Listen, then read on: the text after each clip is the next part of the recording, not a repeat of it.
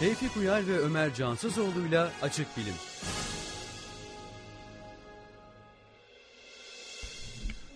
Sevgili dinleyenler, Açık Bilim Radyo programının 21. bölümünden sizlere merhaba. Ben Tevfik Uyar. Ben Ömer Cansızoğlu. Ben Sinem Doğan. Ee, yine birlikteyiz. Bugün 3 kişi sesleniyoruz sizlere. Ee, alemin en radyoaktif programı olmaya adayız bugün. Nasıl? Radyoaktif. Aa yakaladım.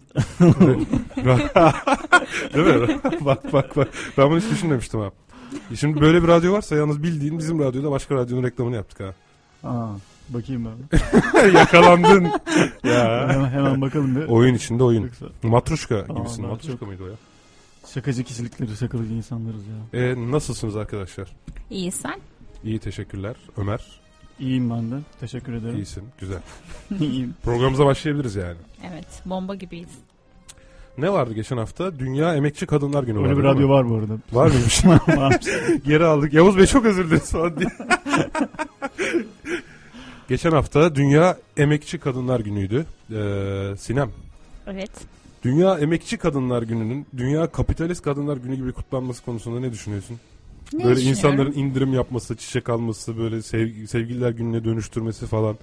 Halbuki Ee, mi?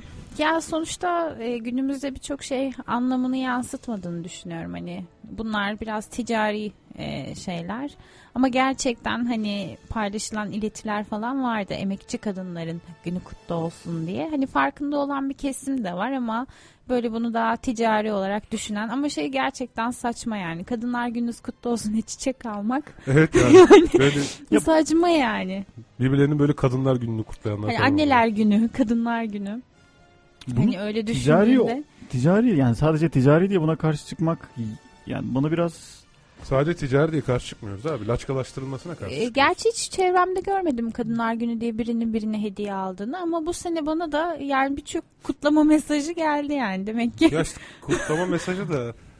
kadınlar günü Garip kutlu yani. olsun diye. Ya evet, tabii bak kutlamak güzel bir şey. Ona bir şey demiyorum ben. Evet Ya siz kadınlar günü güzel bir kutlamadınız şey. mesela. İnsanların birbirine hediye vermesi güzel bir şey. yani bunu dayatma haline dönüşmesi ve Ama bir gerçek fenomen bak. haline dönüşmesi, bunun zorlanması belki sıkıcı ve bayat ama yani onun dışında Ya bence sizden çok bir... mesaj bekledim gelmedi yani. Ya ben ne kutlayacağım abi? Yani bana bana her gün kadınlar günü. Ben her gün kutluyorum kadınlar günü.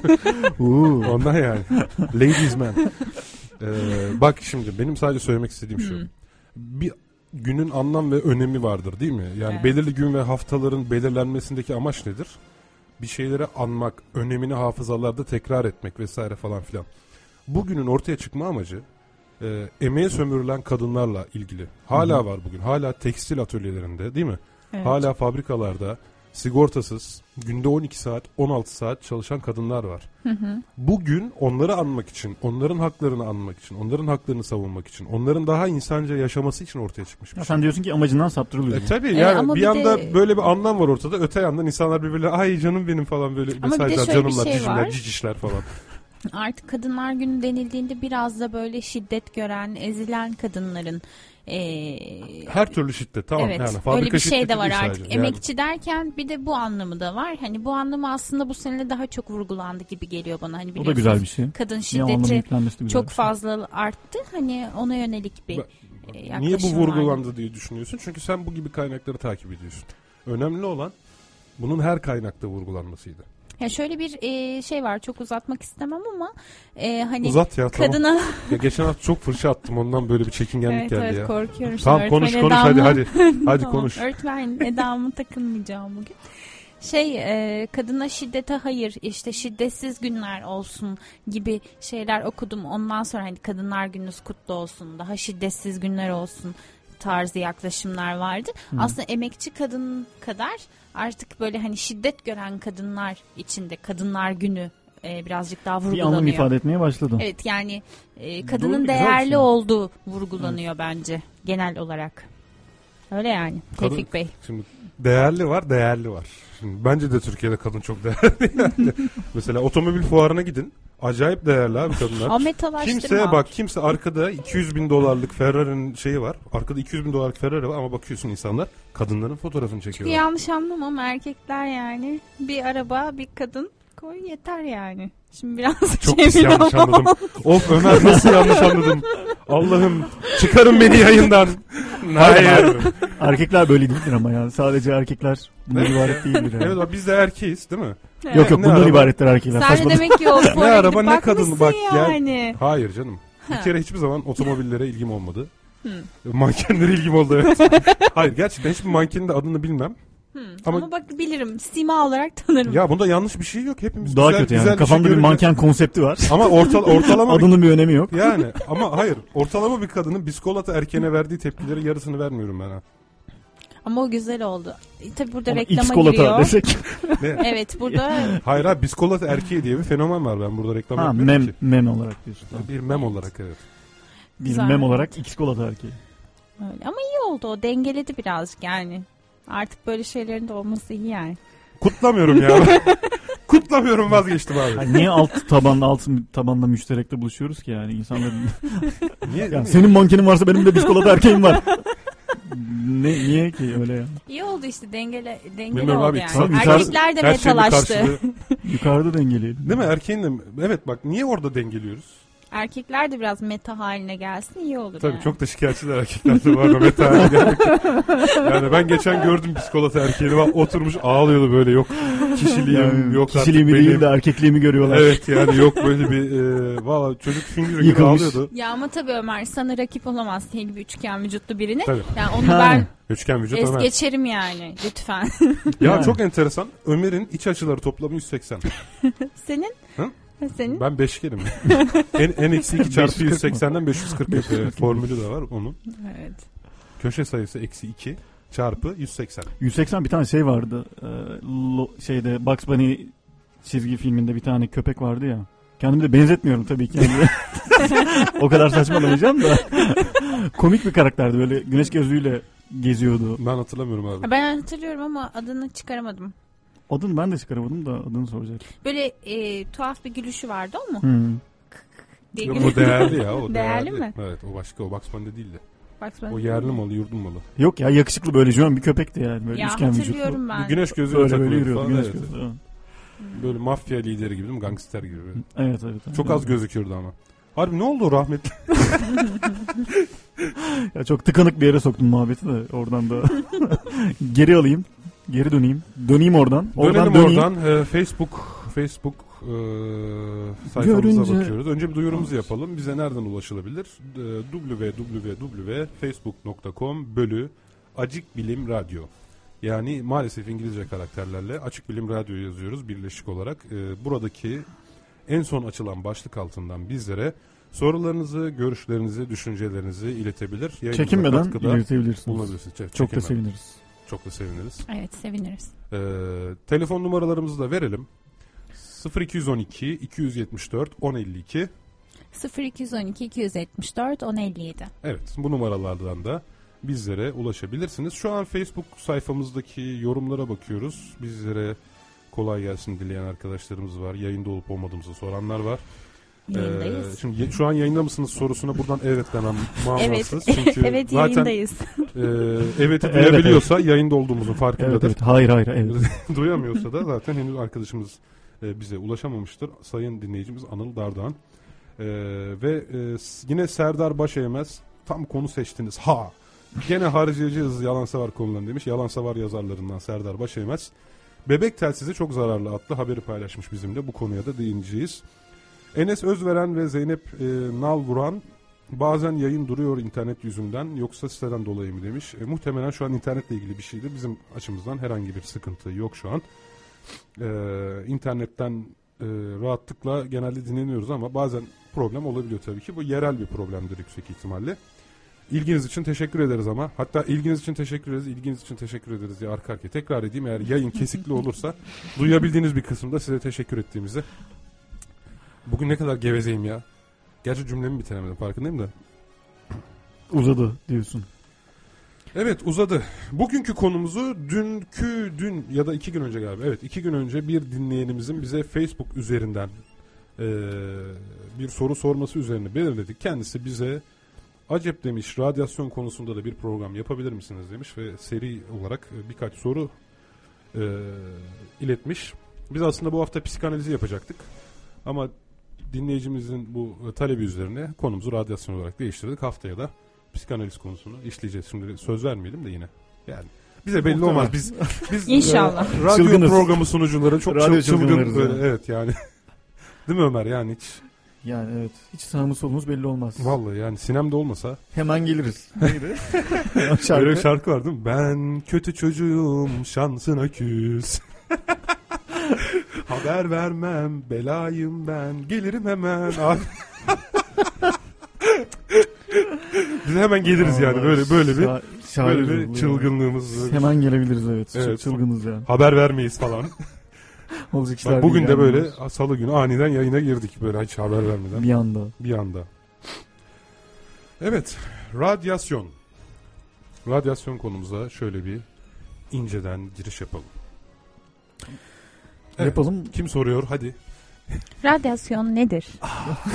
evet mükemmel bir Ee, haber. mükemmel bir, çok net ve açık bir soru oldu Sinem. Teşekkür ediyorum sana. Bir şey değil gerçekten. Evet, radyasyon, radyasyon e, parçacık ya da dalganın Öyle bir sürü anlatıyorsun ki böyle. Evet. Çok böyle şey daha Nasıl? böyle böyle vurgulaya vurgulaya gerçekten güzel olacak. önemli ama şimdi radyasyon çok önemli. Evet. Yani bir radyasyon bir futbol bu dünyada değil mi? Bir futbol bir de mankenler evet. Bir de mankenler.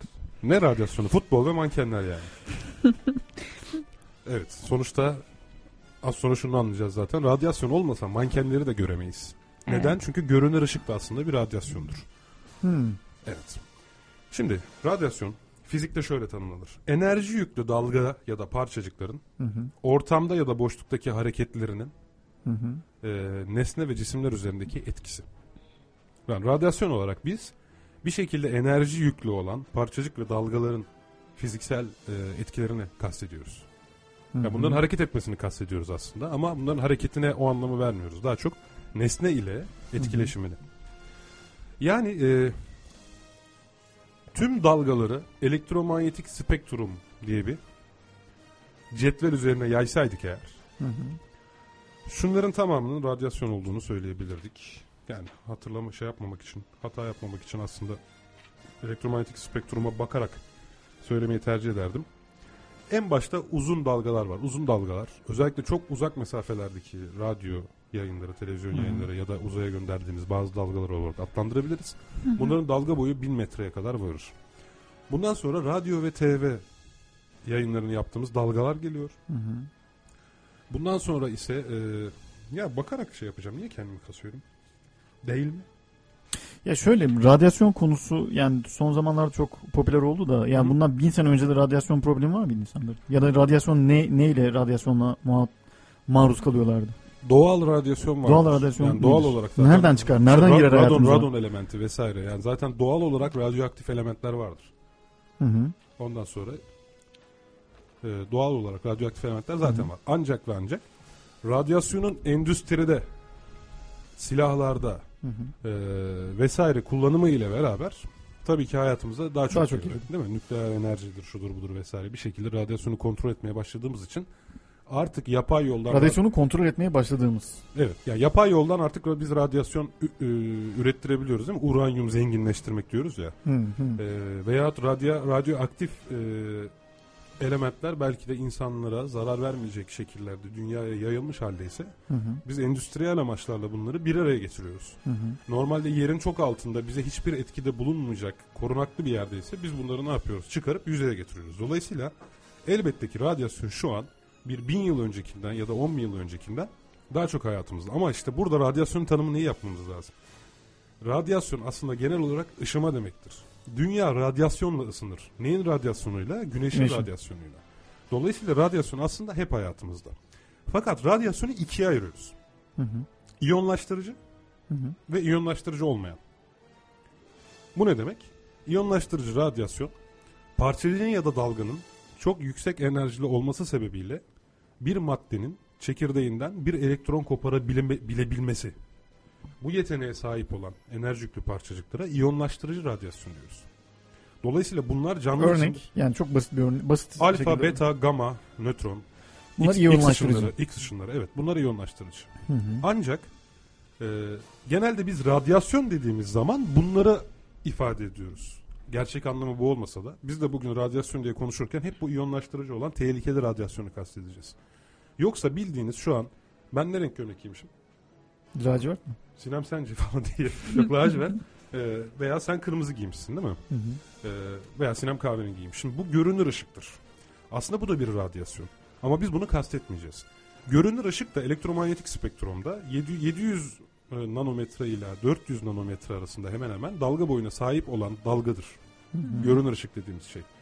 Bir ucunda kırmızı vardır 700 nanometre. Hı hı. Bir ucunda mor 400 nanometre. Bu yüzden kızıl berisi, infrared, kızıl ötesi de deniyor da kendimizi ortaya koyarsak ötesi. Ama spektruma bakarsak kızıl berisi, infraruj, infrared. Öte taraftan da Bir saniye, bir saniye çok çok çok hızlı hızlı gitmeye başladık. Şimdi spektrum e, renklerin e, renk tayfı deniyordu buna hatta. Evet mi? renk tayfı sadece Ve- görünür ışığın spektrumudur. Halbuki Hı. spektrumda mordan sonra X ışınları alfa, beta, alfa beta gamma var. Hı hı. Kırmızıdan önce de mikrodalga, radyo, televizyon dalgası ve uzun dalga var. Bizim radyasyon olarak adlandırdığımız ve bu Aslında kötü bütün bunlar. evet bütün bunlar ama biz Evet enerji yüklü dalga radyasyon dediğin şey. evet Her şeyde var bağlı. ama değil mi? Her şey yani bütün dalgalar ve parçacıklar yayılabilen, boşlukta ilerleyebilen ya da madde içinde. Evet yani her şey radyo dalgaları vesaire falan bunların hepsi aslında radyasyon diye adlandırılır. Ama kullanımda biz radyasyon dediğimiz zaman hep o alfayı, betayı, gamayı, x-ray'i yani öyle kanser yapan anladın mı? Hı hı hı. Ya da organizmaya zarar veren, Hı hı. canlılara zarar veren ışığı kastediyoruz. Bu da mordan sonrakilerdir. Mordan sonra ne vardı? X-ray, e, alfa, beta, gamma vesaire. Vesaire yok aslında bu kadar. İşte ultraviyole. Ultraviyole zaten ultra ötesi demek.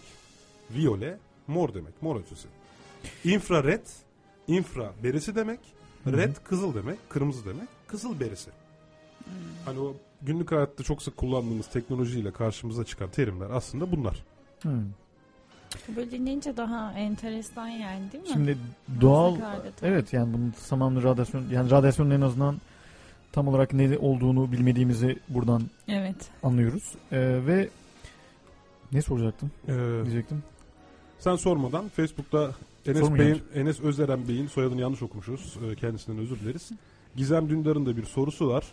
O soruya az sonra gelelim. Ee, kendisinin sorusuna. Sen sor önce Ömer. Bak sana kıyak geçtim. Allah hadi yine Hadi iyiyim yine- ya. Hadi yine iyisin. Yani çılgın belayım ben gelirim hemen tehdit Hemen yani. gelirim hemen yani. Benim de bir sorum olacak ama Ömer'den sonra. Ben soruyu unuttum sen sor. Belki Heyecan yaptım ben soruyu. yanılıyor olabilirim ama aklıma Estağfurullah. gelmişken Tabii ki, sormak buyurun. istedim. Buyurun, Hani- buyurun Sinem Hanım. Buyurun sizin dinliyorum. Teşekkür ederim Tevfik Bey. Şimdi Şimdi hani bu ozon tabakasının delinme durumu var ya hani mesela Hı hı. işte bu e, deodorant şişelerine dikkat edelim onları işte geri dönüşüme atalım. Evet. İşte mesela hani belki bunu biraz açıklayabiliriz. Hani ozon tabakası delinirse bu ışınlar direkt hani bu zararlı olanlar mı Evet. dünyaya ulaşıyor? Ozon tabakası Bunlar ultra koruyor bizi ultraviyole ışınları süzüyor. Hı hı, süzüyor. Evet. Ee, ve ozon tabakası delindiğinde demek yanlış aslında kelime olarak inceldiğinde. İnceler. Hep delinme deniyor. Hep delinme ağzı yok yok artık yok o öyle. evet. Delinme Ya bu diyoruz. yanlış değil zaten hı. ama hani aslında olan fiziksel olay incelmedir. Hı hı. Ha, çok inceldiği yerlerde açıklıklar oluşur. Bunlar da deliktir o ayrı mesele ama Aslında kansere yol açan ışınlar bunlar değil mi Evet. biraz daha? aslında ultraviyole ışını Hı hı.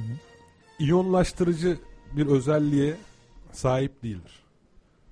Fakat Hı hı. belli bir yoğunluğa ulaştığında iyonlaştırıcı hale gelir. Hı hı. Şimdi şöyle söyleyelim. Mesela iyonlaştırıcı olmayan ışınlardan bahsettik değil mi? Radyo TV dalgaları. Bunları öyle bir yoğunluğa getirip bir nesneye yöneltirsem bir süre sonra nesnenin iç sıcaklığını o kadar arttırırlar ki bu sıcaklık yüzünden bir elektron kopabilir. Bu da o zaman onlar da iyonlaştırıcı hale gelirler. Yani, Yani, bazı parçaların şöyle söyleyeyim. yani Elektro güneş volt ışığını, güneş ışığını ele alırsak oradan açıklayabilir miyim? Şimdi güneş ışığının içerisinde görünür ışık da var, ultraviyole ışıklar da var, infrared ışıklar da var. Hı hı. Tüm ısı kaynakları mesela infrared yani kızılötesi ışın yayar. Bu termal kameralar vardır ya. Hı hı. Gece kameraları, termal kameralar. Bunlar sadece zaten kızıl ötesi, kızıl berisi. Ee, kızıl ötesi, kızıl berisi aynı şey de ben berisi diye kullanacağım. Kızıl berisi ışınları tespit ederler.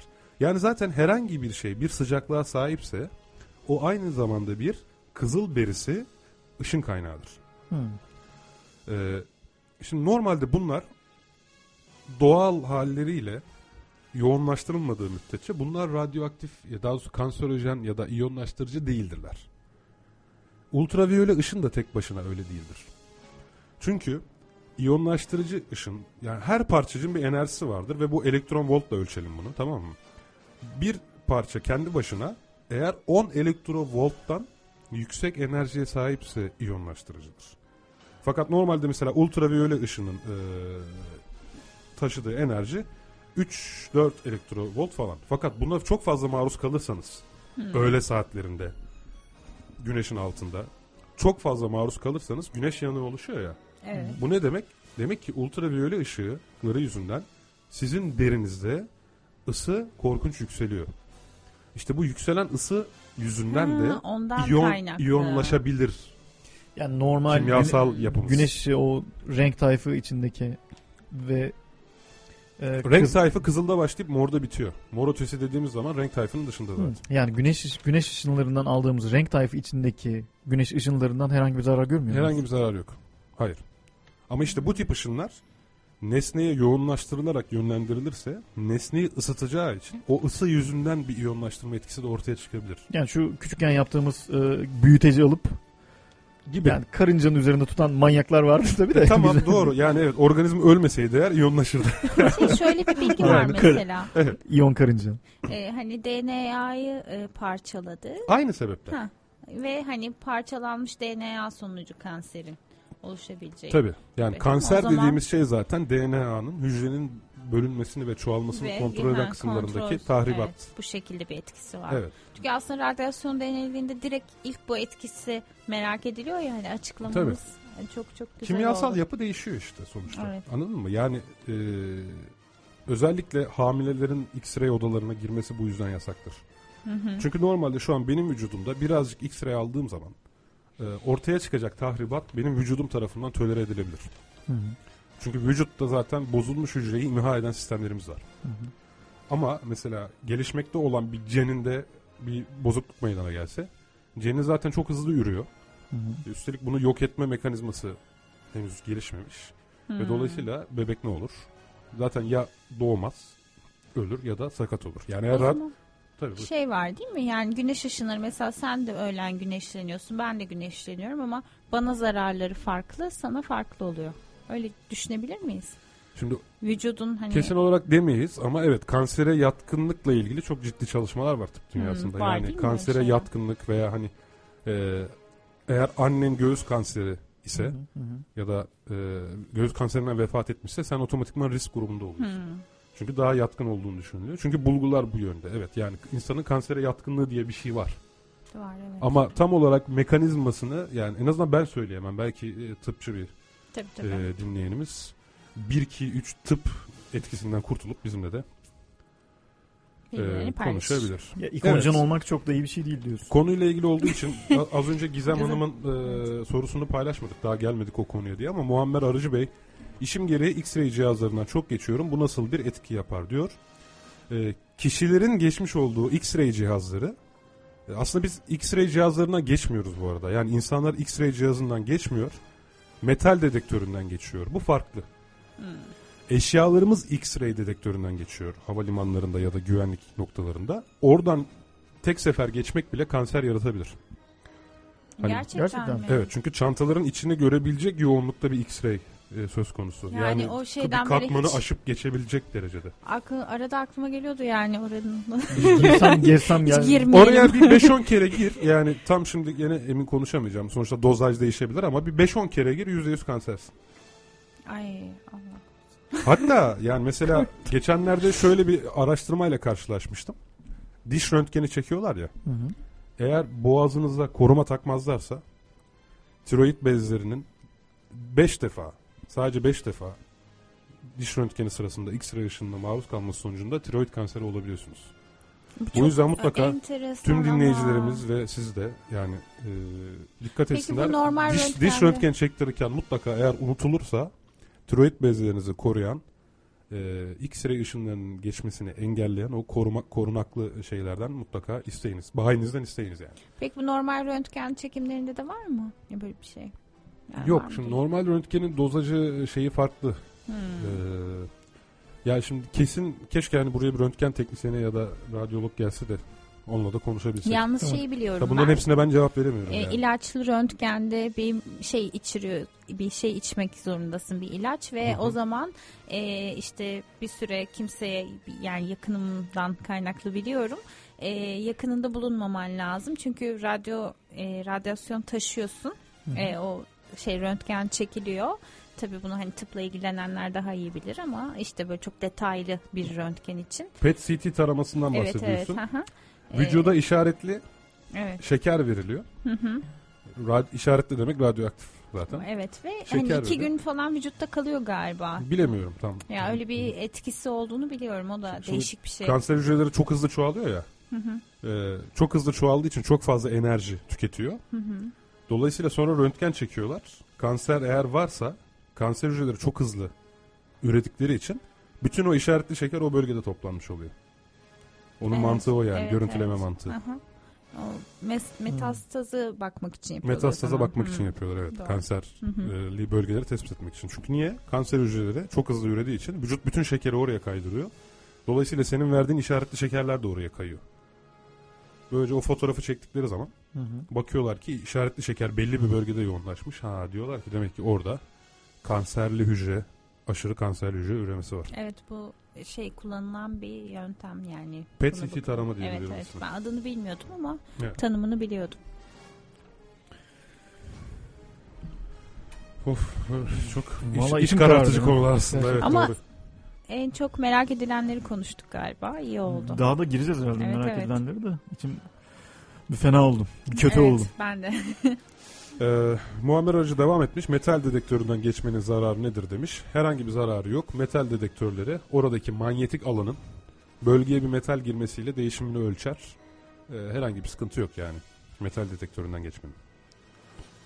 Evet. Aslında bak bunlar merak edilen konular değil mi? Mesela hepimiz hayatımızda bir şekilde maruz kalıyoruz. Metal dedektöründen geçiyoruz. Eşyalarımız X-ray'den geçiyorlar vesaire. Tabii alışveriş merkezinde çok böyle hani yurt dışına çıkmak için gerek değil yani. Havalimanlarında muhakkak bu tür aramalar taramalar yapılıyor. Ve yani evet günlük hayatında röntgen çekiliyorsun. Ultrasona giriyorsun. Ve işte alışveriş merkezleri yani en basitinden. Ve Evet. Güzel bir örnek daha var. Mesela, Mesela? şurada kaktüsümüz var. Bilgisayarın yanında. Evet. Onun da anlamı radyasyonu çekmesi değil mi? Öyle olduğu iddia ediliyor ama biz mu? bilimsel kuşkucular olarak yani ben Var ama tam güvenmiyoruz. onu dönüşte araştıralım. ya. onu da bir Onu araştıralım. bir e, araya gide, gidelim. Gidelim Gideceğiz.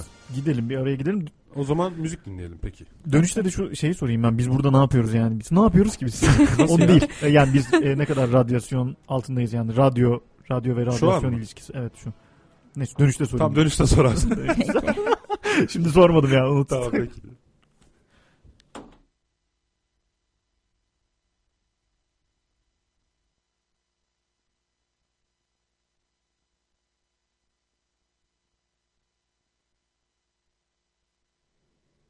Nasıl şaka yaptık ama.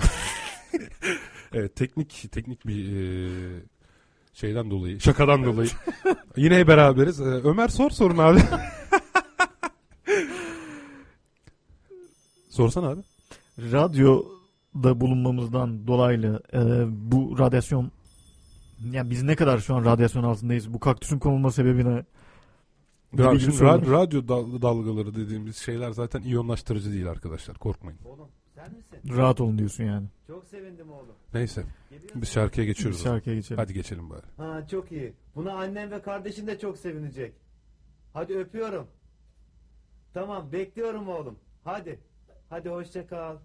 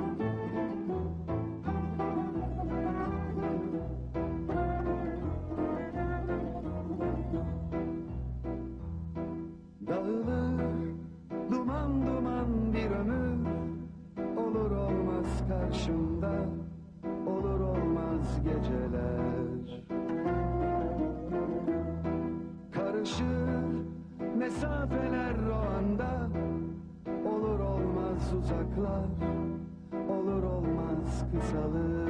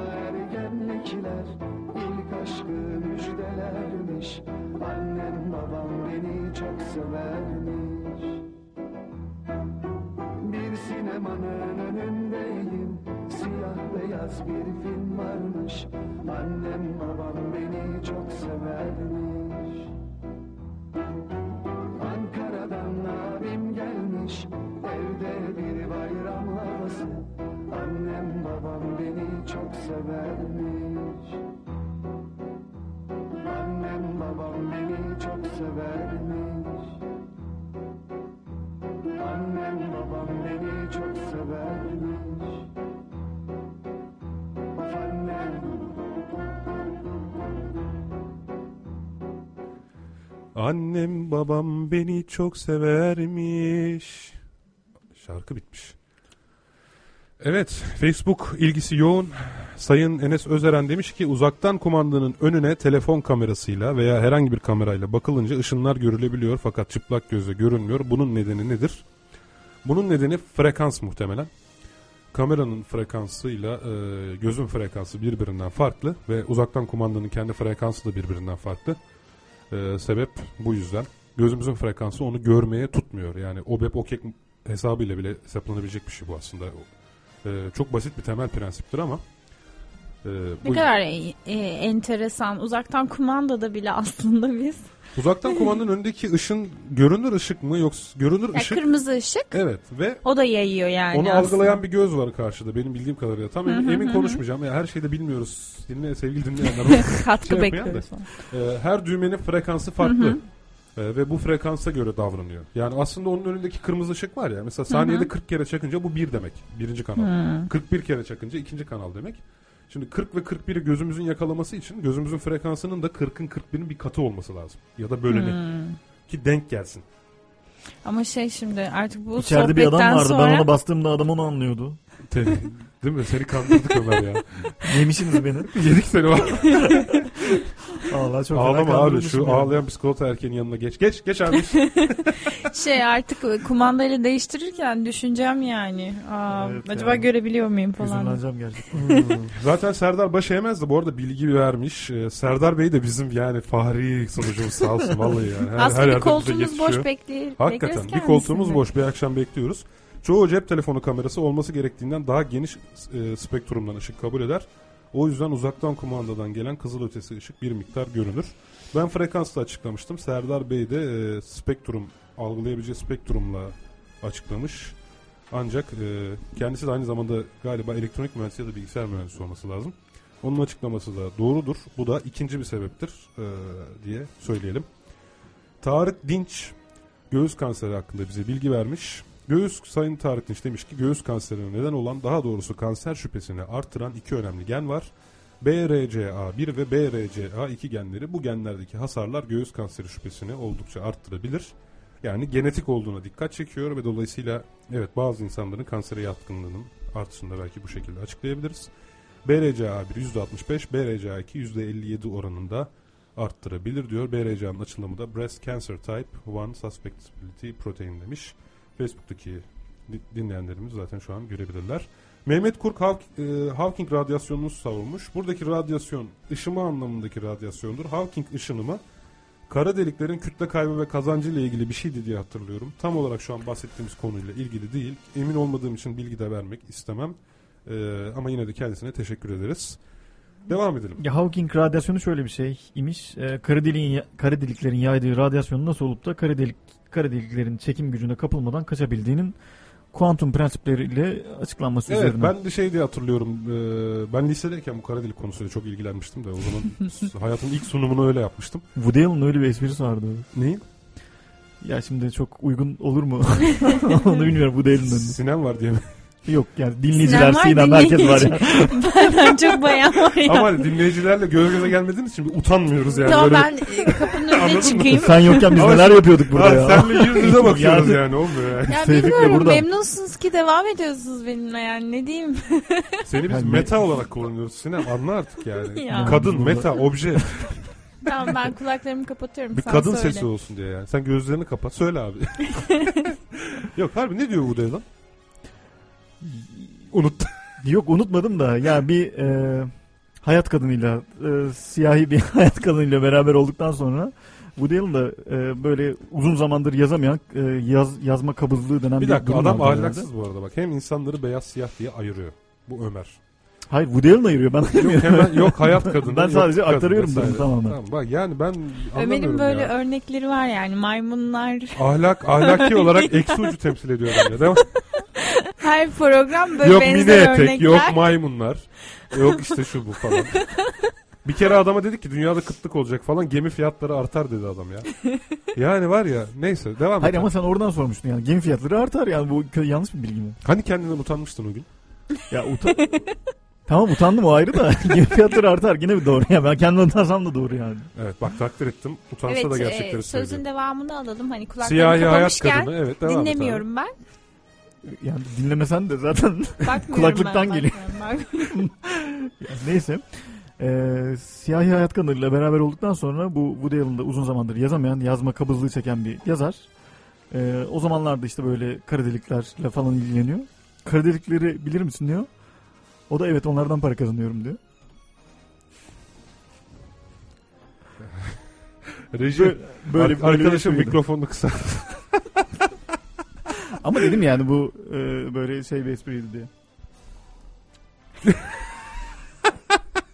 Bak inadına susarak konu- konunun şeyini arttıralım mı?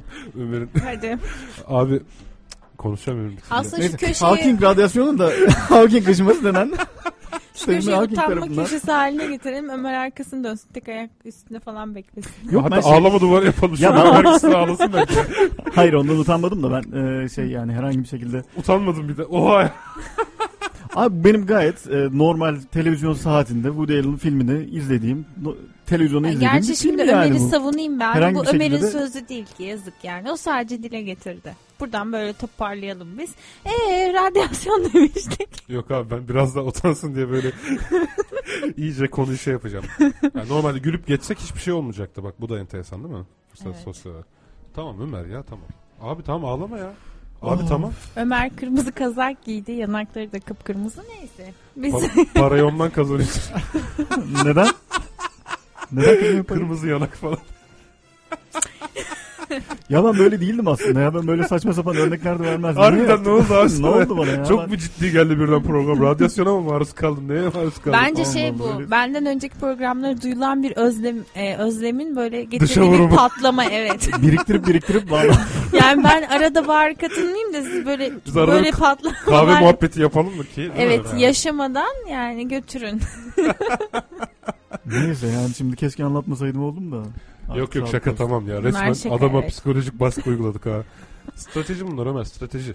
Bir de tam karşısında da oturuyoruz ya. Gözleri çabuk. Bu gidip fuarlarda manken fotoğrafı falan çekiyordur araba yerine. Öyle mi? Çekiyordur yani yapıyordur.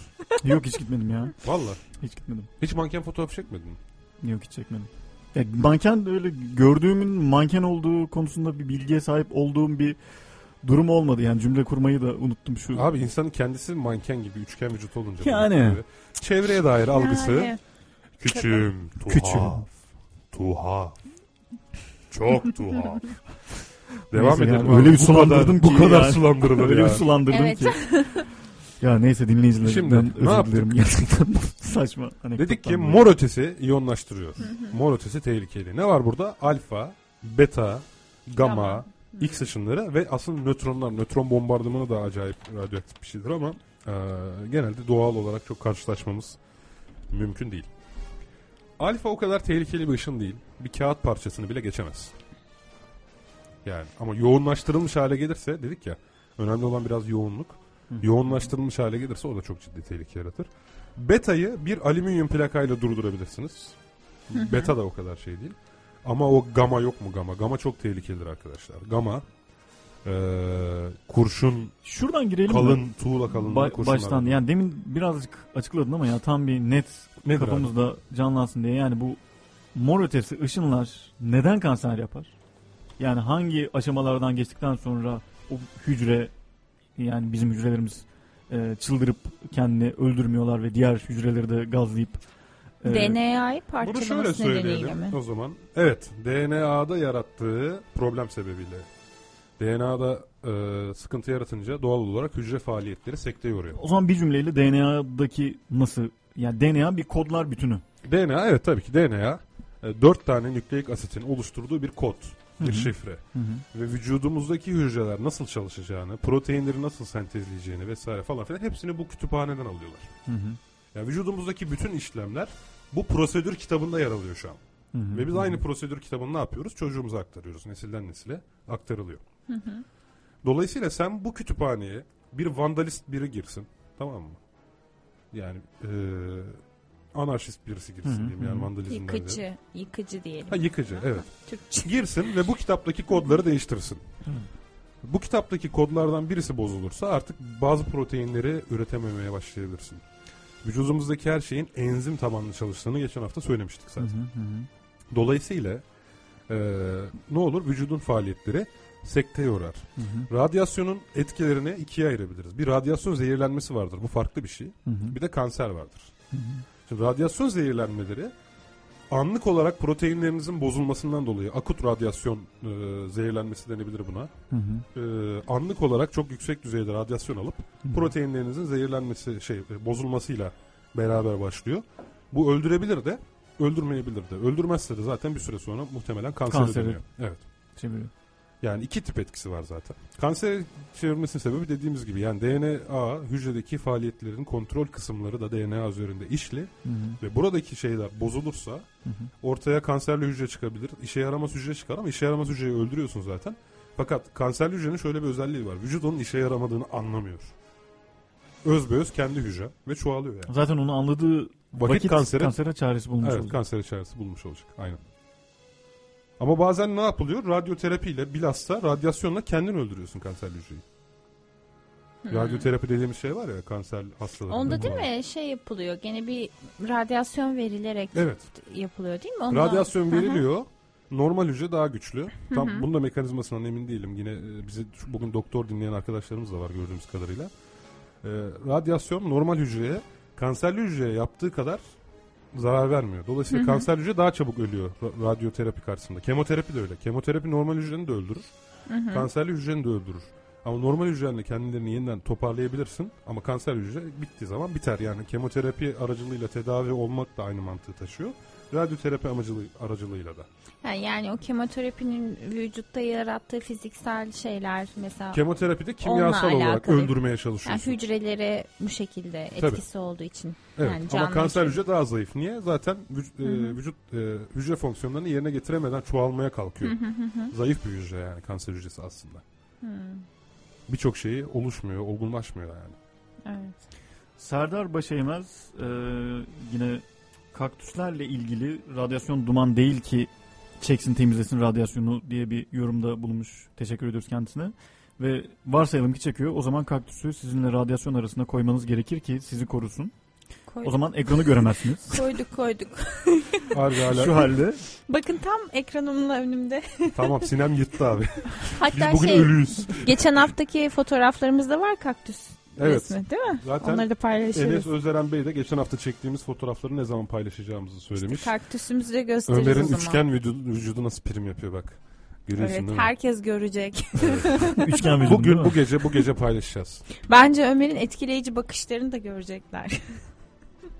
Gözlerini. Fotoğraflardaki. Bütün fotoğraflarda gözü kapalı. Bakarsa ne kadar etkili bakar acaba Böyle bir gizem düşünsene. Şu Ömer bir baksa. gibi bir bulmaca. Bulmaca gibiyim evet. Aslında o yani. en Bulmaca karanlık fotoğrafları koyup bulun bakalım kim Ömer falan yapacak. Evet fotoğraflar hakkında şöyle bir yorumum var. Benim e, karanlıkta kaldığım fotoğraflar gerçekten çok güzel. Kendine haksızlık ediyorsun ya. Yani Bence hepsi çok güzel. haksızlık da etmiyor gibiyim Sen de. ahlaki olarak eksi ucu olabilirsin. Bizim program ekibimizin ama e, fizik olarak artı ucusun. Teşekkür ederim. Hem anot hem katot. Ee, evet. Tuhaf. Tuha. Facebook'umuza tekrar Çok bakıyoruz. tuhaf. Yeni, yeni bir şey yok. Ee, devam Facebook edelim. yeni bir şey yok. Ee, Biz radyasyonu bugün ne yapıyoruz? Kullanıyoruz değil mi? Az önce zaten bir sürü bahsettik. şeyde evet. İşte PET CT taraması dedik. Medikalden bahsettik daha çok ama radyasyon başka yerlerde de kullanılıyor. Evet. Bir de düşünsene yani kullandığımız kumandaya varana kadar aslında çok iç içe yaşıyoruz. Şimdi o zaman Evet. esas konuya da yavaş yavaş gelelim. Nerede zararlı bu? Hangi yani günlük hayatımızda kullandığımız neresinde bu radyasyon zararlı? Bizim gerçekten dikkat etmemiz gereken demin söyledin. Ee, bir Evet bir şey algısı var değil mi? Mesela cep telefonlarının Alışveriş- radyoaktif olduğu vesaire Ha, falan. evet, Evet filan. cep- mesela cep telefonları. kulaklıkla konuşun, e, kulağınıza çok getirmeyin falan deniliyor ya. Serdar Bey'in demin bahsettiği bu bebek tersizleri. Evet bebek telsizleri vesaire. Şimdi şöyle. Biz ne dedik? İyonlaştırıcı olmayan ışın eğer çok fazla ısı yaratırsa yaratılan bu ısı yüzünden, ısı enerjisi yüzünden iyonlaşma gerçekleşebilir ve zararlı olur dedik. Cep telefonunun cep telefonuyla konuşurken e, beynin sıcaklığının 3-4 derece arttığı e, daha önce ben bir yerde okumuştum. Ancak bu kanser yapmak için ya da tümör yaratmak için yeterli bir şey değil. Nitekim Açık Bilim Dergisi'nin birinci sayısında e, Ya şöyle bir şey de bugüne ben. kadar yapılmış Canın sıkıldığında gerçekten kızdığında kafan kızıyormuş ve dediğin gibi birkaç derece beynin sıcaklığı artıyormuş gibi. Yani o yüzden cep telefonunun 3-4 derece artırması herhalde bu tarzda bir tansiyon yükselince ateş yükseliyor galiba benim de bildiğim Tansiyon o. yükselince evet, de, yani evet. kızmak dediğin şey ondan Evet, kaynaklanıyor olabilir. Tansiyon yükseldiği için e, vücut sıcaklığı da artıyor olabilir. Emin de- değilim. Yani şimdi emin olmadığım için konuşmuyorum. Ama ve lakin biz zaten Açık Bilim Dergisi'nin birinci sayısında bir haber yayınladık. Bugüne kadar yapılan en kapsamlı araştırma sonuç verdi ki cep telefonu kullanımıyla beyin tümörü arasında bir ilişki yok. Yani onun beynine ulaştırdığı Ya bu- zararlı bir şey yok. Spekülatif e, şey yapabilir miyim bu konuda? Yani Çağrı, çağrı belki farklı etkileri olabilir. Yani ben de her yere zırt diye 10 metreye bir baz istasyonu açılmasına kesinlikle karşıyım. Ben de bak o da var. Hani biz e, baz istasyonlarına aslında karşıyız. Gerçi çok önemli cep telefonumuzun çekmesi şu dönemde ama e, mesela o baz istasyonunun kurulduğu yerdeki evlere böyle bir radyasyonun ulaştığına siz inanıyor musunuz? Hani Şimdi radyasyon fikir- ulaşıyor tanım gereği. Ha, Çünkü her radyo dalgası bir radyasyondur. evet. Ama tehlikeli düzeyde ulaşıyor mu? Mesela benim evimin tam yanına diyelim ki kurdular baz istasyonu. Ben ondan zarar görür müyüm? Şimdi işte bu konuda hiç kaynaksız konuşmak çok zor. Ama Evet. tanım tanımımız gereği Yani fikir cep mesela. telefonlarının kullandığı radyo dalgaları iyonlaştırıcı radyo dalgaları değildir. Dolayısıyla e, bunların sağlığa zararlı olmadığı düşünülür. Nitekim yapılan bazı çalışmalar da işte cep telefonu kullanımıyla beyin tümörü arasında bir ilişki olmadığını gösterdi. Sanılanın aksine. Hmm. Ama ve lakin çok daha bu uzun vadede kaynağı neresi? bu bahsettiğim çalışma 98'den beri yürütülen yaklaşık 200 Ciddi bir ciddi bir 300 bin kişi. çalışma. Evet, ciddi. İskandinav çok ülkelerinden enteresan birindeki ama. bir üniversitenin çalışmasıydı. Ya öyle bir noktaya geliyorsun ki mesela benim odamda televizyon var ama hani başım televizyonun yanına denk gel, gelmesini ba- bazen tehlikeli buluyorum. Ya öyle bir algı var aslında. Hani çok bilgisayarı mesela e, no- bu laptopları kucağınıza koymayın. Hani böyle şeyleri bilmiyorum siz de duydunuz mu? Hani böyle bir Evet, hep duyuyoruz. etkileniyoruz açıkçası. Hani Ee, cep telefonunun daha da fazla. Ama bunun işte e, illaki kanser ya da e, bahsettiğimiz bu iyonlaştırma etkisine sahip olduğunu söyleyemeyiz. Hmm. Evet, belki bu kadar radyo dalgasına maruz kalmanın sağlık üzerinde bazı olumsuz etkileri olabilir. Hı hı. Ama buna bu alfa, beta ve gama'nın yarattığı, X ışınlarının yarattığı şekilde bir radyasyon yaratarak problem yaratacak diyemiyoruz. Öyle değil. Hmm, öyle kesin Bunlar bir çok düşük enerjili ışıklar. yani. Görünür ışıktan daha düşük dalgalardan bahsediyoruz bakın. Yani eğer cep telefonu dalgasının doğrudan bir zararı olsaydı görünür ışığın çok daha fazla zararı olurdu. Çünkü Hmm. daha yüksek enerjili görünür ışık. Hmm. Anladınız mı? Hı. Ama bu kadar fazla radyo dalgasına maruz kalmanın bir kirlilik yarattığı, bu kirliliğin belki uzun vadede organizma yaşamına olumsuz bir Zarar etkide verici bulunacağını belki söyleyebiliriz. Evet. Nitekim mesela arılar cep telefonu dalgaları yüzünden yolunu kaybetmiş diye bir bilimsel çalışma okumuştum. İngiltere'de bir üniversitede yapılan çalışmaydı. Bu bir ara arılar kayboluyordu ya ortadan. Hı hı. Mesela o cep telefonu dalgalarının onların e, seyir sefer sistemlerini bozduğu e, veya bazı göçmen kuşların seyir sefer sistemlerinin bozulduğunu Bazen ben de onu diyecektim tam. Böyle hani toplu kuş ölümleri oluyor ya mesela kuşlar yağıyor gibi. Evet. E, Tam haberi hatırlayamadım ama yani bu yakın bir zamanda da böyle şeyler okuduk. Onların hani baz istasyonlarından falan alakası olabilir belki. işte. alakası olabilir değil Yani mi? bir şey şekilde e, doğal seleksiyonla onlar kendi mükemmellerine ulaşmışlar. Hmm. Fakat siz sonuçta çevreyi değiştiriyorsunuz. En basitinden en basitinden su altı sonarları ve denizaltılar yüzünden bugün balinalar çok ciddi tehdit altında. Hmm. Çünkü balinalar biliyorsunuz su altında dalgayla haberleşiyorlar. Onların haberleşmesinde parazit yaratıyorsunuz. Yani şu an senle ben konuşurken ortamda bir 1 milyon insanın daha konuştuğunu düşün. Tabii ki. Ne Üç olurdu? kişi konuşsa hiçbir evet, şey birbirimizi duyamazdık değil mi? Evet. Yani Anıl Dardan radyasyon hangi hızla yayılır demiş. Radyasyon bu ışık hızıyla yayılır. Gizem Dündar adlı dinleyicimiz benim sorumu cevaplamadınız. Ha evet. Gizem Hanım'ın sorusunu cevaplamamıştık. Kendisine sözümüz vardı. Ne demiş abi Gizem Hanım? İyi akşamlar, iyi yayınlar. Teşekkürler. Ee, radyasyon tepkimeleri neden yerleşim yeri az olan çöl gibi yerler yerine yerleşim merkezlerine kuruluyor? Radyasyon tepkimeleri derken reaktörleri mi kastediyorsunuz? Ee,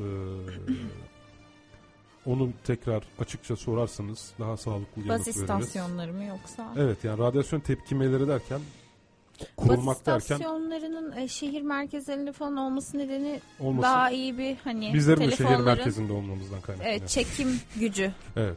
Yani şöyle bir şey Evet, kapasite. Çekim gücü evet o nedenle. Yani e, bir baz istasyonunun zannedersem sağladığı aynı anda konuşma kapasitesi çok sınırlı. E, bu yüzden. Aslında biz de bunu biraz şey yapıyoruz herhalde ya. Artık hoş bakmaya başladık. Çünkü hani böyle gidiyoruz bir yere işte operatörümüz çekmiyor. Diyoruz ki ya burada da telefon çekmiyor falan. Şikayetçi oluyoruz aslında. Biz de biraz sanki Aranıyoruz. aranıyoruz aynen. Serdar Başeymez e, bilgi desteği vermiş. Elektromanyetik ışımanın şiddeti uzaklığın karesiyle ters orantılı olarak azalır. Birkaç metreden sonra baz istasyonları epey etkisini kaybediyor. Ayrıca ne kadar az baz istasyonu olursa ihtiyaç duyulan enerji hem cep telefonunda hem de baz istasyonunda artacaktır demiş. Ben şöyle açıklayayım. Evet baz istasyonundan uzaklaştıkça cep telefonunun sinyal gücü artmak zorunda. Bu yüzden belki fark etmiştirsiniz e, hem dinleyenler hem de sizler arkadaşlar. E, yazlıktayken falan veya bir kır evindeyken cep telefonunun şarjı daha hızlı biter. Baz istasyonuna uzak olduğunuz için çünkü cep telefonunun alım sinyalini güçlendirmesi gerekiyor. Ya çok daha fazla güç. Çok harcadığı için enteresan. çok daha çabuk biter cep telefonunun şarjı. Hmm. Mehmet Kurt, e, olası uzay yaşam formlarına dair izleri uzaydaki radyo dalgalarını tarayarak yapmaya çalışan bazı araştırma grupları var. Bu çerçevede hangi frekans aralığına bakmak gerekir demiş. E, mor ötesi ışıklara bakmak bakmamak gerekir diyebiliriz belki. Çünkü onlar zaten ya X ışını ya büyük ölçüde parçacık ya da uzay kaynaklı miyonlar, piyonlar, kozmik ışınlar dediğimiz ışınlar. Bunları zaten uzayı tararsak her yerde bulacağımız için Bir şey daha sorabilir miyim? genelde uzaylı varlığını e, anlamak için daha insan yapımı gibi o- duran o uzun dalga, radyo TV dalgaları falan onlara bakıyoruz. Ay tutulması falan olduğunda da özel gözlüklerle falan bakmak gerekiyor ya. Güneş tutulması. Ay güneş tutması Hı hı. pardon. Ee, bunda da bunların etkisi var mı? Hani onun nedenli mi o gözlükleri takıp bakmak gerekiyor mesela? Ee, kanserden korunmak için değil ama sonuçta bizim göz merceğimiz Ha, ya onun için Evet. kanserle değil de hani o ışınlar göze zarar veriyor değil mi? Yani o Aslında ışınlar mı? büyüteçin yaptığı iş var ya aynısını göz merceğimiz de yapıyor. Dolayısıyla güneşe doğrudan sürekli bakmaya kalkarsanız bir A tabakamızı yakarız yani. Bildiğin Hmm. yakarız. Duman çıkar Güneş yani. tutulmasında daha da fazla oluyor değil mi? Enerji. Hayır aslında daha fazla olmuyor da güneş tutulmasını görme hevesiyle bakıyoruz ya. Ha, daha Bakma- uzun süre Tabii bakmaktan ve zarar vermeyeceğini zannediyoruz tabii. Önünde Hmm. ay var diye. Halbuki e, yine de cep e, şey cep diyorum cep telefonu göz merceği ışığı odaklar. Yani büyütecin yaptığı işi siz gözünüzün içerisinde yapmaya kalktığınızı düşünün yani. Bak aslında bu konuyla ilgili ne kadar çok şey merak ediyormuşuz Çok yani. fazla soru var aslında değil mi? Evet bizde de hani çok fazla ben de soru sallıyorum bu arada. Siz de inanıyorsunuz ha. ben de aydınlandığımı düşünüyorum falan. Cep, te- cep telefonu ile ilgili şöyle bir durum var. Bu SAR değeri diye bir şey vardı. Daha önce belki duymuşsunuzdur. Ne? SAR değeri. Şimdi kullan, kullanılan cep telefonları bir radyo alıcısı vericisi senin söylediğin gibi. Ve e, bu radyoların işte alıp verilmesi sırasında bu radyo dalgalanmalarına maruz kalıyoruz doğal olarak. E, bunu da e, bir standartla specific absorption rate özel soğurma değeri manasına geliyor. Bununla ölçülüyor. E, bunun e, kısa vadede ve uzun vadede etkileri olacağı ve her cep telefonunda buna işte cep telefonu markalarının buna bağlı olarak belli değerlerle e, işte tüketicisinin karşısına çıktığı gibi bir durum var. Standartizasyon mu var? Yok Başını standartizasyon kaçırdım da Facebook'a bakarken kusura bakma. SAR değeri diye bir şey var. Belki daha önceden duymuşsunuz. SAR değeri. SAR değeri. Ha evet. bu bir değer, ölçüm. evet SAR değeri. Bu e, şu anlama geliyor. Özgür soğurma değeri. Evet. Yani her e, vücudun kilogram başına Specific absorption rate olması lazım. specific Yani. absorption rate e, vücudun kilogram başına soğurduğu yani aldığı e, elektromanyetik gücü gösteriyor bu. Evet. Bunun uzun vadede etkileri olabileceği söyleniyor. Yani internette genelde böyle Evet. şeyler, bilgiler dolaşıyor. Evet. Yani bu e, bizim o radyo ışınların direkt etkisi olmasından daha farklı bir şey değil mi? Evet farklı bir Sarmıyor. şey işte uzun vadede e, uzun vadede etki yaratabilecek bir şey. Yani bu e, şey gibi değil. Ya ben sana şu an 5 tane gama fırlatayım. Hı hı. Sende ciddi problemler olabilir. Hı hı. Ama normal cep telefonu radyo dalgasının şu an görünür bir etkisi yok. Bu geçen haftaki gıda e, şeyinde konuştuğumuz gibi yani katkı maddelerinin bir tanesi normalde bir etkide bulunmuyor ama uzun vadede çocuklarda hiperaktivite yarattığı daha sonradan ortaya çıktı ya. Yani belki biz de bunu daha sonradan fark edeceğiz. Belki daha sonra çok artan bir hastalığın sebebinin e, uzun süre bu tip dalgalara maruz kalmak olduğunu anlayacağız. Yani Şeyler böyle değil ama değil mi? Lazer ışınları. da lazer mu? görünür ışığın yoğunlaştırılmış halidir. Hmm. Yoğunlaştırılmış ve odaklanmış Ya onların da hali. uzun vadede bir e, hasar bırakabileceğine dair yorumlar vardı hani merak ettim. Lazer mi Yüksek yaptırmak enerjili istiyorsun? olduğu için ya, Sinan, ya- lazer mi yaptıracaksın? Yok canım yani soruyorum onların sadece. etkisi ısı. Ha. Yani bir, bir- Artık çok kullanılıyor yani. Bugün mesela dövme sildirmeyi konuştuk. Onda da aynen yani. Lazer çok Kaç kullanılıyor saat? artık, evet. 7-8 Göz saat. ameliyatlarında şeyde. Evet her şey. Göz ameliyatı oldum yani. Bildiğin Lazerle. yakıyorlar lazerle işte. oldum Dövmeyi oldum. sökmek için bildiğin lazerle o dokuyu yakıyorlar. Vücut Hı hı. dokuyu tamir ederken dövme silinmiş oluyor. Evet Mantıklı. yani ben göz ameliyat yani gözümü çizdirdim. Hakikaten yani evet lazer diyorsun. aldım. Evet. Yani o nedenle enteresan yani. Anıl Dardağan demiş ki radyasyon hareket eden bir kaynaktan yayılırsa hızı ışık hızını geçer mi Ee, yoksa dalga boyu değişir mi? Birincisi hızı ışık hızını geçmez. Ee, Einstein'ın e, teorisi hala geçerli. Işık hızını geçebilecek herhangi bir şey yok. Işık hızı geçilemez. Yoksa dalga boyu değişir mi? Evet doğru değişir Ee, ve bunda Doppler etkisi dediğimiz bir etki ortaya çıkar. Bu ambulanslar mesela ses de bir dalgadır. Ambulans gelirken ne olur? Böyle Hmm, Nani nani. Olur. E, o olur evet ama Çocuk, ben de iyice çocuklaştım bugün ya. ama bize yaklaşırken Motor nöron tepkiler gösteriyorum. dur araba gibi Ambulans düşünün. geldi bak. Eee ne oldu? Diye böyle arabanın sesi giderken ne olur? Kalınlaşır değil mi? Pesleşir. Hmm, evet. Diye. Ya da uçaklarda bu daha Niye giderek daha belirgin değil midir uçaklar? Uçaklarda da belirgindir. Evet. Ee, veya ambulans sesi de aynı şekilde diye pesleşir. Halbuki ses aynı. Hı. Fakat niye pesleşiyor? Çünkü hareket eden bir kaynaktan çıkan dalganın dalga boyu değişir. Ee, yani ışık işte ses bize 340 metre bölü saniye ile geliyor ya öyle düşün attım. Fakat ambulans 60 ile gidiyor ya. Dolayısıyla sanki ses sana ambulans senden uzaklaşırken e, 340'tan 60 çıkar 280 metre hızla geliyormuş gibi olur. Yani basitçe anlatmaya çalıştım. Anladım anladım. Anladın mı? Dolayısıyla ses pesleşir. Ee, şimdi aynı şey ışık yani radyasyon için de geçerli. Dalga boyu. Bu yüzden zaten bizden uzaklaşan yıldızların rengi kırmızıya kayıyor. Hı hı. Bize yaklaşan yıldızların rengi maviye kayıyor. Zaten bu bir yöntemdir. Ee, astronomlar eskiden e, bizden uzaklaşan yıldızları, yaklaşan yıldızları vesaireyi buna göre tespit etmişler. Hatta e, Hubble teleskobu gözlemlerinin Big Bang teorisini destekleme muhabbeti var ya. Hı hı. O da bundan kaynaklanıyor. Yani bütün yıldızların birbirinden ve dolayısıyla bizden uzaklaştığı, onların renklerindeki kırmızıya kayma oranlarından anlayabiliyoruz. Anlayabiliyor. Evet. Hmm. Gibi. Ha, güzelmiş. Enteresan yani. Evet. Değişik Buradan da bilgiler evrenin aldık. evrenin genişlediği ve Can Ender Gökçe Bey dinlemedeyiz yine. Kolay gelsin ve teşekkürler demiş. Biz de kendisine teşekkür ediyoruz. Şimdi radyasyonun pratik hayattaki uygulamalarından bahsedelim. Bunlardan en bilineni atom bombası. Değil mi? şu soruya gelecektim ben. Bir nükleer savaş çıkınca gerçekten sonumuz gelecek mi? Bence gelir. Yani en sonundaki soruyu baştan bir sorayım. Bence gelir. Yani zaten ya biz nükleer e, ne- ya silah yapıp bunu atacak bir türsek yok olalım yani. Ki öyle bir türüz. Ki öyle bir türüz yok olalım zaten yani bundan ben hiç gocunmam. Yani 1945'te 8 Ağustos 1945'te Evet. bunu denemiş. Nagasaki değil mi? ve Ve Hi- Hiroşima. Hiroşima'ya daha sonradan 3 gün sonra da Enola Gay adlı uçakla. Nagasaki'ye. Evet. Ee, sen anlat hocam. Yani atom bombası sürecini sen bilirsin muhtemelen. Bu Atom, tip antin kuntin tarih şeylerini falan atom bombası süreci yani politik olarak e, Franklin Roosevelt'in öldükten sonra yerine Truman'ın şu hani ünlü Truman doktrininin yazarı aynı zamanda işte çevre ülkelerin e, Amerika'nın emperyalist güçlerinin e, ilk fikir babası olarak görülen o Truman doktrinin yazarının başkan olmasıyla başlıyor bu yine atom bombası süreci de. Hı hı. E, Truman Amerika'nın başına geçtikten sonra hemen ilk e, yaptığı icraat e, atom bombası grubu oluşturmak oluyor. Bunu Atom- Einstein u- uyandırıyor mu değil mi insanları? Yani atomdan bomba yapılabileceği. Evet ilk Einstein. Hatta Nazilerin neredeyse geliştirmek üzere olduğu yoluyla Amerika'yı tehdit şey yapıyor, uyarıyor, ikaz ediyor yani. Hmm. Hatta daha sonra çok pişman oluyor bu yüzden. Evet bununla ilgili bir ünlü bir sözü vardı tam hatırlayamayacağım ama. Ben de hatırlayamıyorum şu an ama. Ve daha sonra işte bu Truman 17 kişilik bir grup kuruyor. Ee, Oppenheimer Atom, değil mi başındaki de? atom bombası evet o Oppenheimer'dı zannedersem Evet. şimdi tam net hatırlayamayacağım ama. Daha sonradan bu atom bombasının yapılması sürecine geçildikten sonra ee,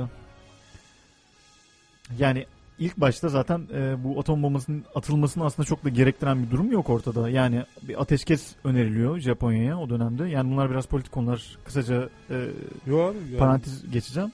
Ama e, o dönem işte Japonya'nın kendi içinde bulunduğu politik durumdan dolayı çünkü e, za- zannedersem bu Japonya'nın e, krallığın e, imparatorluğun kaldırılması ile ilgili bir e, öneride bulunuyor ve bu da Japonya'nın kabul edebileceği bir şey değil o dönem en azından. Yani bile bile lades dönüyor. Sen bunu bir anlaşma uzatılıyor ve bu anlaşmada kabul edilmeyeceği besbelli. Daha sonradan tabii Japonya Başbakanı o dönemki başbakanı kabul etmiyor ve e, ya şunun şöyle çok gerçekten can sıkıcı bilgiler var. Tam ne kadar doğru bilmiyorum. Yani bu internette dolanılan ve daha önce yani şehir efsanesi halinde dönüşmüş, dönüşmüş bilgiler aslında bunlar. Bu atom bombasının atılması kafaya konulmuş Amerika tarafından ve e, net bir şekilde grup oluşturuluyor bir şekilde Onu atılacak. deneyecek zaten bir yerlerde. Japonya'nın e, Japonya'nın üzerinde deneyecek ve Japonya'da ne zaman atılacağı Japonya'daki insanların en fazla dışarıda olduğu ve en kalabalık olan şehirlerde ve en az dikkat çekecek şehirlerde e, uygulanması konusunda bir fizibilite çıkartıyor. Değil mi? Niye Tokyo'ya atmıyorlar mesela değil mi? Yani. Yani, Yani çok fazla çok fazla dikkat planlanan, Yani Tabii, tabii, Böyle, bunlar böyle önce yani-. Saat 8 Ağustos saat 8.15'te atılıyor bu Hı hı. atom bombası. E, Japonların e, o dönem e, en fazla işte dışarı çıkarken işte işlerine giderken en fazla dışarıda olduğu ve en fazla e, zayiat vereceği saat olduğu konusunda bir bilgiye varıldıktan sonra saat 8.15 yani sabah saati seçiliyor. Hı hı. Adamların bu kadar mide bulandırıcı. Ya, evet ya. Ve e, yani dahası şöyle bir durum var. E, Hiroşima ve Nagasaki'ye e, atom bombası atılması yani bazı şehirler evet atom bombası bunları atılabilir gibi ihtimaller çıkıyor. Ve bu şehirlerin e, bütün hava saldırısı duruyor. Ve bu hava saldırısı durduktan sonra Japonya'da bu şehirlere inanılmaz bir göç başlıyor. Hmm. Yani mümkün olan en çok Japon'u öldürmek. Mümkün olan herifler? evet en çok Japon'u öldürmek. Bilgisayar oyunu gibi bir şey. Nasıl bir planlama yani değil mi? Ve e, resmi kayıtlara göre 140 bin kişi ölüyor. Ee, on binlerce kişi tabii daha sonra etki, etkileniyor. Ee, milyonun üzerinde şu anki etkisi ve Japonya'da şu an Hiroşima'ya ilk atılan e, o bomba Eloge'ydi. atan Enol, şey. Enola Gay uçağın adı bu ama. Ya o atılma süreçleri falan filan da gerçekten çok can sıkıcı ve şey de yani oraları çok şey yaptım. Atan pilotlar ne yaptıklarının bilincinde değillermiş. Ben de öyle duymuştum. Yani bilmiyorlarmış. Attıkları şeyin yarattığı tahribatı daha sonra görünce... Yok yani o grubun başında olan albay e, bu bir atom bombası deniyoruz diye tam şeyde. Evet de yani bir askerin o dönemde atom bombası nedir ve nasıl bir etki yaratır bunu bilmesi söz konusu değil yani. Evet. Daha dünya bilmiyor yani. Yani çok büyük bir adım olduğunu falan söylüyor. Yani hatta daha sonradan bu atom bombası atıp indikten sonra uçuş bittikten sonra e, üstün hizmet madalyası takılıyor. Atom bombasını atan. Çok iyi ya. Şeyler. 100 bin kişi öldürdüğün için madalya alıyorsun olaya bak. Sadece 100 bin kişiyle kalmamıştır ama herhalde Tabii değil mi? yıllarca hala ve hala Yıllarca. sakat çocuklar. Evet. Japonya'da işte onunla ilgili bir şey var şu an. E, tam o yörün tam attığı e, Amerika'nın Japonya üzerine Hiroşima'da attığı o noktaya e, orası bir anıt halinde şu an ve Evet. yani Japonya öyle büyük acılar çekiyor ki aslında ya Japonya enteresan. E, Japonya, Çin yani uzak doğu ülkeleri herhalde biraz daha batıdan ve biz biraz batı kaynaklı bilgilerden beslendiğimiz için onları biraz uzak görüyoruz ve nasıl acılar yaşadığı konusunda çok da bilgi sahibi değiliz. Ama ya ne da kadar biraz azimli uzak bir geliyor millet gibi. değil mi? Tekrar yoktan var etmişler Bunun kendilerini. gazıyla ama biraz da bunun gazıyla. Evet evet. Yani Yani öyle büyük acılar çekiyor ki zaten şu anki en büyük nükleer savaş karşıtı çalışmalar Japonya tarafından yapılıyor. bu arada Japonya o zaman yenildiği için bir anlaşma imzalatıldı ya Japonya'ya. Hmm. Japonya kendi ordusuna sahip olamıyor hala. Yani ordusuna sahip oluyor affedersiniz de. E, sadece savunma ordusu kurabilir. Asla bir yere taarruz ordusu kuramaz. Yani Japonya asla taarruz edecek bir gemi alamaz ya da yapamaz. Gerçekten asla taarruz mi? edecek bir uçak yapamaz. Ancak e, karşılama uçağı yapabilir. Ancak Peki savunma hattı kurabilir. Sa- taarruza yönelik hiçbir şey bulunduramıyor. Hala bu anlaşma geçerli. hala geçerli. Evet. İkinci Dünya Savaşı'nda enteresan. yenildikleri için bu şartların altını imzalamışlar. Ve Amerika'nın e, bu atom bombasını kullandıktan sonraki demeci, ilk demeci İkinci Dünya Savaşı'nı bitirmek istiyorduk ve e, diye böyle bir şey yapasım geliyor. E, İkinci Dünya Savaşı'nı bitirmek istiyorduk ve Pearl Harbor baskının intikamını almak zorundaydık gibi bir açıklama var. Pearl Harbor baskını da bilinmesine rağmen müsaade edilmiş diye bir şehir efsanesi daha var. Hani sırf bu atom bombasına dayanak aramak için. Amerikan kamuoyunda diye. Yani Şimdi Pearl Harbor'da şey geldiler ya. tabii herkesi öldürdüler falan. Amerikan kamuoyu da böylelikle atom bombası atıldığı zaman siz ne yapıyorsunuz demedi yani. Yani Daha- yüz, yüz binlerce kişiyi öldürecek bir karara insan hangi süreçlerden geçip de varabilir? Yani çok bilmiyorum bana. Neyse. Yani atom bombasının kısaca hikayesi az çok böyle. Yani hikaye kısmı az çok böyle tabii. Atom bombasının etkilediği durum ve reaksiyon insanlar üzerindeki etkisi. Senin bahsettiğin yani atom bombası tam olarak hangi etkilerde bulunup da insanların bu kadar canını yaktı? İşte radyasyon. Ya ilk başta zaten atom bombası patladığı zaman oluşan yüksek sıcaklık yani inanılmaz yüksek sıcaklık yüzünden. Tabii Şey- Nagasaki'de ilk, şehir dümdüz oluyor ve herkes yanıyor ilk zaten. yüksek sıcaklıkta 100 bin kişi ölüyor. Evet. Ne Yani- kadar kötü bir şey ya. Düşüncesi bile korkunç Daha yani. sonra da radyoaktif serpinti var işte yani tüm yerden yükselen artık radyoaktif hale gelmiş olan o küller, parçalar Zaten etkileri Evet. söylemiştiniz. yavaş yavaş serpinti halinde. Şey yani yıllar sonra da görülüyor değil mi? Rüzgar bunu çok uzaklara da taşıyabilir zaten. Bir de Evet. Çernobil felaketi Evet. vardı değil mi? Çernobil'de de var aynı şey. Onda da 1986 yılında böyle bir e, bir hatadan kaynaklı hani çok detaylı şey yapamayacağım ama böyle bir patlama meydana geliyor yüksek ısıdan kaynaklı. Ukrayna'da mıydı Çernobil? Ukrayna evet. E, Kiev şehrine bağlı. Tabii o zaman Sovyetler yani Ukrayna Evet mi? Sovyetlerde. Ee, ve şey hani onun da etkileri çok büyük hatta biliyorsunuz Karadeniz bölgemiz hani bizim de etkileniyor. Hala kanser oranı yüksek ama yani bu çok ciddi olarak şeylere yansımıyor yani. Yansımıyor ama aslında e, biraz dile getiriliyor gerçi ama hani o dönem e, aslında popüler olan bir olayı hatırlarsınız. E, o dönemin e, Hangisi? Çay Sanayi içme. Bakanı'nın Çay içme muhabbeti. Evet, e, Cahit Aral'ın çay içip de e, çay oradaki çayın güvenli olduğunu savunması. Zaten bir sonraki bir röportajına göz attım. E, kendisi tabii artık vefat etmiş. Allah Ee, Allah rahmet eylesin. Ee, bir röportajında şöyle belirtmiş. 86 yaşında e, vefat etmiş. Onun öncesinde de hani ben 20 yıldır sürekli çay içiyorum ve çok fazla içiyorum. Hiçbir şey olmadı. Gayet sağlıklıyım diye bir Peki demeci neden var. vefat etti? Normal nedenlerden Yani ötürü. ece- ece- eceliyle etti. Evet. Bu Kanserden şeyden vefat değil. etmedi mi? Kanserden mi? değil diye biliyorum. Yani tam şey yapamayacağım ama kanserden değil diye biliyorum. Ama düşündüğünüzde hani bu da çok çok büyük bir kaza. Çernobil gerçekten hani akla ilk gelen e, Evet. Hani nükleer fela- çok büyük bir felaket. felaket. Dedim. Benzeri Fukushima'da da yaşandı Mesela zaten. bununla ilgili çok Evet, enteresan Fukushima'nın- bir şey var. Yıl dönümüydü. Ee, Bugün müydü? bugün müydü? Dün. Evet. O da düşünsenize bir Saniye. yıl olmuş. Ee, en çok etkilenen ülke Bulgaristan'mış. Yani düşünün hani Bulutların yönüyle ilgili falan yönüyle. Biraz ilgili. taşıyıcı olan Hani sadece evet Ukrayna'yla sınırlı değil ve çevresindeki ülkelerle düşünün Bulgaristan hani. Tabii canım Fukushima'dan sonra radyoaktif bulutlar Avrupa'ya kadar geldi de çok düşük düzeydeydi galiba bildiğim Evet, kadarıyla. evet. Gerçi buna göre de koruma önlemleri falan alınmış ama o Çernobil zaten e, yazıp baktığınızda fotoğraflarda hani nasıl bir e, şey olduğunu görebiliyorsunuz. Korkunç bir şey yani. Sonrasında dünyaya gelen çocuklar falan İyi şeyler değil tabii. değil evet. Yani sonuç olarak e, nükleer savaş yani nü- nükleer hayatımıza girdikçe aslında bir bakıma sonumuzda geliyor.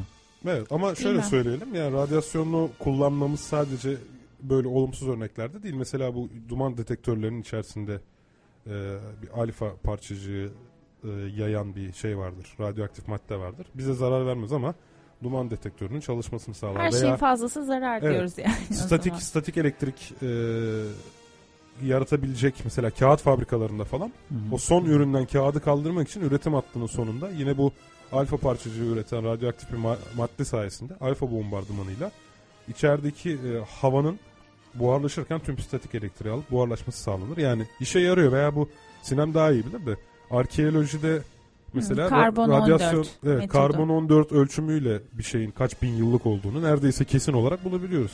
Evet. Şimdi mesela bir kaşık bulunuyor 30 bin yıllık deniyor. Bunu nasıl bulunuyor? Nasıl nasıl anlıyorlar mesela değil mi? Ee, bu oradaki e, ondaki bulunan e, işte eser diyelim ya da kapkacaktaki işte karbon 14 miktarına bakıyorlar. Hı hı. E, çünkü bu kap e, belli bir e, oranda karbon 14 içeriyor fakat gelen ışınlarla beraber bunu hani azalmaya başlıyor değil mi? Karbon 14, azalmaya alfa başlıyor. parçacığı yayarak e, zamanla azot 14'e dönüşüyor değil mi? Evet 5730 yıl hani Yaralanma artı süresi. evet Evet. yarılanma süresi artı ya da eksi e, 40 yıl e, Hata payı mı var? Ee, Evet hata payı olabilir. Ee, ve hani buna bağlı olarak e, yaşı tespit ediliyor. Aslında çok enteresan bir yani yöntem. şöyle mi? Şimdi mesela ben bugün bu kap ka- kacak yaptığım zaman Evet. normal topraktaki veya atmosferdeki karbon 14 ne kadarsa kap kacağın Evet. içinde de aynı miktarda karbon Aynı 14 miktarda oluyor. var. Yarılanma süresine ne demiştin? 5730 yılda bir. O zaman 5730 yıl sonra ben bu toprak kaptaki karbon 14'ü ölçersem Evet. e, O azalmış olacak. atmosferin yarısı kadar olmuş olacak. Evet. Ha, dolayısıyla buradan aslında kabın 5000 yıllık, 10 bin yıllık artık her kaç bin yılsa içerisindeki yüzdesine göre Evet ona göre bir şey söz konusu. bir limit olması lazım ama herhalde değil mi? O zaman ne kadar eski olduğunu ölçebileceğim bir limit. Çünkü 1 milyon yılda neredeyse hiç karbon kalmaz. Mutlaka bir limit vardır. Ee, var diye biliyorum. 60 bin yıla kadar değil mi? Öyle yanılmıyorsam öyle bir limit. Düşünelim 60 bin yıl sonra 5000 12 kere tekrarlanmış oluyor. 2 üzeri 12 kadar azalmış olur içindeki karbon. Evet. O Bunu da bulan kişi de şey. zaten Willard Libby onu da belirtelim. Ee, ve 1960 yılında bununla Nobel ödülü alıyor. Nobel. Bunu da evet. Adam- Belirtmeden adam geçemeyelim. Bulmuş, adam bulmuş abi. Evet, adam önemli bir bulmuş, şey almış. Söke söke almış şöyle. Seninle ilgili Enas e, Özeren Bey, e, Tevfik Bey'in mesleğinin uçak mühendisi olduğunu hatırlıyorum. Eğer doğruysa program sonunda değinebilir mi? Ben de ileride uçak veya uzay mühendisliği okumak istiyorum. Türkiye'de bu meslekler nasıl destekleniyor? İleride Türkiye'nin kendi uçağını üretmesi konusunda bir plan var. Acaba bu yararlı olur mu? Havacılık konusunda bir program yapmayı düşünüyoruz ilerideki zamanlarda. Hı. Özellikle orada bu konulara. Daha geniş çünkü hemen bir cümleyle birkaç cümleyle. ÖSS'den önce Şey- hallederiz bu işi sevgili dost dinleyicimiz. Evet bugün bir şiir okuyarak mı bitirelim ne yapalım? Şiir okuyarak. Sen mi okursun ben mi okuyayım? Sinem okur belki bugün. Sinem okur belki. Ben mi? Ee, ben bu hafta denemeyeyim. Çalışıp geleyim diyor Çalışıp geleyim evet. yani. Ee, belki rejimiz bir şey ister. Onun da bir isteği yok. O zaman bugün şiir okumayalım. Borges'in çok sevdiğim bir şiiri vardı. Onu Tamam okuyayım, hadi onu oku bakalım. Hadi, hadi, hadi. Kimin kimin? Ben Bor- Jorge Luis Borges anlar. Jorge Louis Borges. Anlar dedin değil mi? Anlar. Kim anlar? Pardon. Evet. Ee, önce iyi akşamlar dileyelim bütün dinleyenlerimize. Teşekkürler katıldıkları, Facebook'tan katılmayanlara. Hadi vedamızı yapalım. Vedamızı diyorsun. yapalım. Evet Açık Bilim Radyo programının 21. bölümünün Sonuna sonuna geldik. geldik. Ben Tevfik Uyar. Ben Ömer Cansızoğlu. Ben Sinem Doğan. Herkese iyi akşamlar. Haftaya aynı gün aynı saatte buluşmak dileğiyle. İyi evet ve şimdi akşamlar. Ömer Cansızoğlu e, Jorge Louis Borges'in Anlar adlı şiiriyle bizlerle beraber. Eğer yeniden başlayabilseydim yaşamı, ikincisinde daha çok hata yapardım. Kusursuz olmaya çalışmaz sırt üstü yatardım. Neşeli olurdum ilkinde olmadığım kadar. Çok az şeyi ciddiyetle yapardım. Temizlik sorun bile olmazdı asla. Daha çok riske girerdim. Seyahat ederdim daha fazla. Daha çok güneş doğuşu izler, daha çok dağa tırmanır, daha çok nehirde yüzerdim. Görmediğim birçok yere giderdim. Dondurma yerdim doyasıya ve daha az bezelye. Gerçek sorunlarım olurdu. Hayali olanların yerine. Yaşamın her anını gerçek ve verimli kılan insanlardandım ben. Elbette mutlu anlarım oldu ama yeniden başlayabilseydim eğer yalnız mutlu anlarım olurdu. Farkında mısınız bilmem. Yaşam budur zaten. Anlar. Sadece anlar. Siz de anı yaşayın. Hiçbir yere yanına termometre, su, şemsiye ve paraşüt almadan gitmeyen insanlardandım ben. Yeniden başlayabilseydim eğer, hiçbir şey taşımazdım. Eğer yeniden başlayabilseydim, ilkbaharda pabuçlarımı fırlatır atardım. Ve sonbahar bitene kadar yürürdüm çıplak ayaklarla. Bilinmeyen yollar keşfeder, güneşin tadına varır, çocuklarla oynardım. Bir şansım daha olsaydı eğer. Ama işte 85'imdeyim ve biliyorum. Ölüyorum. İçimizi kararttın Ömer ya.